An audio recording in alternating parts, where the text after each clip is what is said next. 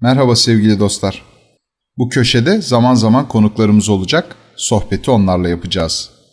Bu hafta 23 Nisan haftası biliyorsunuz. Böyle olunca açılışı özellikle 23 Nisan'a denk getirilmiş bir müzenin kurucusu konuğumuz oldu. İstanbul Oyuncak Müzesi'nin kurucusu. Sözü gerçek bir sevgi insanına, Suna Yakın'a bırakıyoruz. Bize hayallerinin müzesini anlatacak. Hadi kahvenizi tazeleyin de sohbeti kaçırmayalım. 1990'ların başıydı.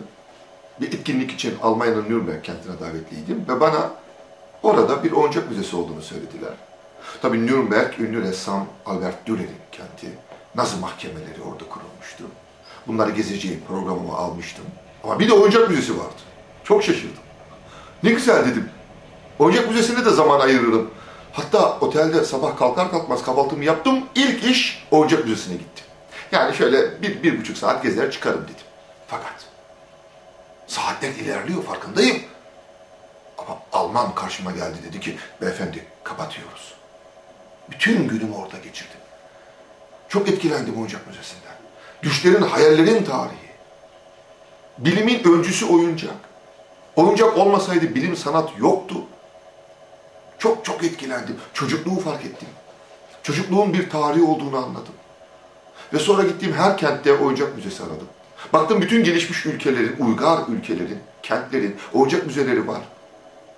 Gezerken bizim neden bir oyuncak müzemiz olmasın diye hep böyle hayıflandım. Kendi kendimi yedim. Sonra karar verdim. Bunu ben yapacağım. Ve Berlin'den şöyle 100 yıllık antika bir oyuncak at satın aldım. Dedim ki hani atla yola çıkarız çıkarız ya bu yolu ben yürüyeceğim. İşte de atım.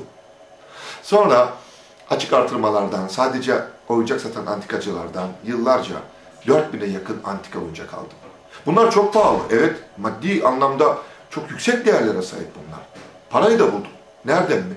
Kitaplarımdan, televizyon programlarımdan, tek kişilik sahne oyunumdan. Onları okuyanların, izleyenlerin sevgisi bana yetti. Aslında bu müzeyi ben değil, biz kurduk. Size sürpriz yaptım. O kitaplarımı okuyarak, o televizyon programlarımı izleyerek, tek kişilik sahne oyunumda gelip salonları doldurarak o sevginiz bana yetti. Paranızın bir kuruşuna dokunmadım. Size sürpriz yaptım, hepsiyle bir müze kurduk.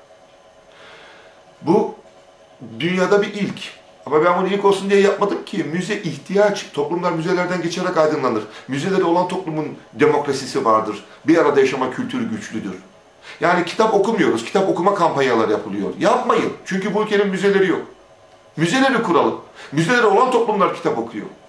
Bir arada yaşama kültürümüz devamlı tehdit altında. Bölücülük, terör, çat, çatışmalar, kutuplaştırmalar. Politikacılardan bir şey beklemeyin. Neden? Çünkü müzelerimiz yok. Çünkü müzeler olan toplumlar bir arada yaşar. Aşure toplum olduklarını anlarlar. Aşure gibi bir tat olduklarını anlarlar. Bunlar hep müzeler öğretir. Siz bana bir ülkenin müzelerini gösterin. Bir ülkede müzelerin koridorların uzunluğu ne kadardır? Söyleyin. Ben de size o ülkenin uygarlıkta aldığı yolu anlatayım. Herkes Amerika'yı tankı topu dolarıyla güçlü sanıyor. Hayır. Amerika Birleşik Devletleri'nin 18 bin müzesi var. Louvre Müzesi'nin koridorların uzunluğu 12 kilometre. Bir Alman hayatında her gün bir müzeye giderse ömrünün 16 yılını sokağa çıkamadan Almanya'nın müzelerinde yaşar. Avrupa Birliği'ne üye istiyoruz. Bir kişi soruyu sordu mu? Bir kişi. Ya bu Avrupa ülkeleri önce zengin olup sonra mı müzelerini kurdu? Yoksa müzelerini kurup oradan, o koridorlardan geçtikleri için mi zenginleştiler? Hep şunu söylüyorum. Atatürk Dolmabahçe Sarayı'nda ölmemiş olsaydı biz o tarihi binayı da müze değil çoktan otel yapmıştık. Oyuncak Müzesi'nin sahne tasarım sanatçısı Ayhan Doğan'la tasarladık. Yani her oda bir tiyatro sahnesi gibi olsun istedik. Böyle didaktik bir müze olmasın. Çünkü bizde müzecilik yok. Müzeciliğin ne olduğunu bilmiyoruz. Bu yüzden hala her odada oynuyoruz. Ben aileme ait bu İstanbul'un Göztepe semtindeki tarihi köşkün her odasına girdiğimde kendimi o dekorun içinde bir oyuncu gibi hissediyorum. Burayı ziyaret edenler de onu hissediyorlar. Bu yüzden senaryoyu sürekli değiştiriyoruz. Aslında ben o kitaplarımın arasına bir de müzeyi koydum. Çünkü burası da benim bir metnim. Evet, burası bir edebi metindir. Müze sözcüğü zaten ilham perisi demektir. Muse Fransızcadan gelir. Muse, ilham perisi, müze. Bir toplumun ne kadar müzesi varsa o kadar çok ilham perisi var demektir. Ben buradan ilham alıyorum ve ilham veriyorum. Şiir kitaplarım var ya, düz yazı kitaplarım. Onların arasında bir de alın bu beyaz köşkü koyun. Bir de bir müze koydum ben. Kitaplarımın, eserlerimin arasına. Bu yüzden metni devamlı değiştiriyorum. Oynuyorum ben burada, mutluyum. Ve İstanbul Oyuncak Müzesi'ni gezmeye gelen bir anne ya da baba kapıdan içeri girerken bir elinden çocuğunu tutuyorsa, müzeyi gezdikten sonra, müzeden ayrılırken o anne ya da baba öteki eliyle de kendi çocukluğunu tutuyor. Çok teşekkür ederim. Haftaya bu gülen yüzlü müzede bir gezintiye çıkacağız sizinle. Unutmadan 23 Nisan'da 3. yaş gününü kutlayacak İstanbul Oyuncak Müzesi.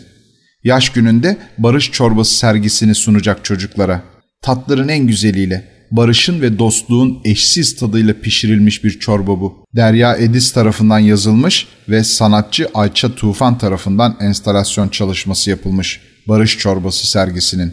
Görsel ve işitsel materyallerle çocukların en sevdikleri oyun alanlarından biri olan balkondan çocuklara göz kırpacak sergi. Dostluğun olmadığı yüreklerin nasıl da kurak bir vaha olduğunu anlatacak bizlere.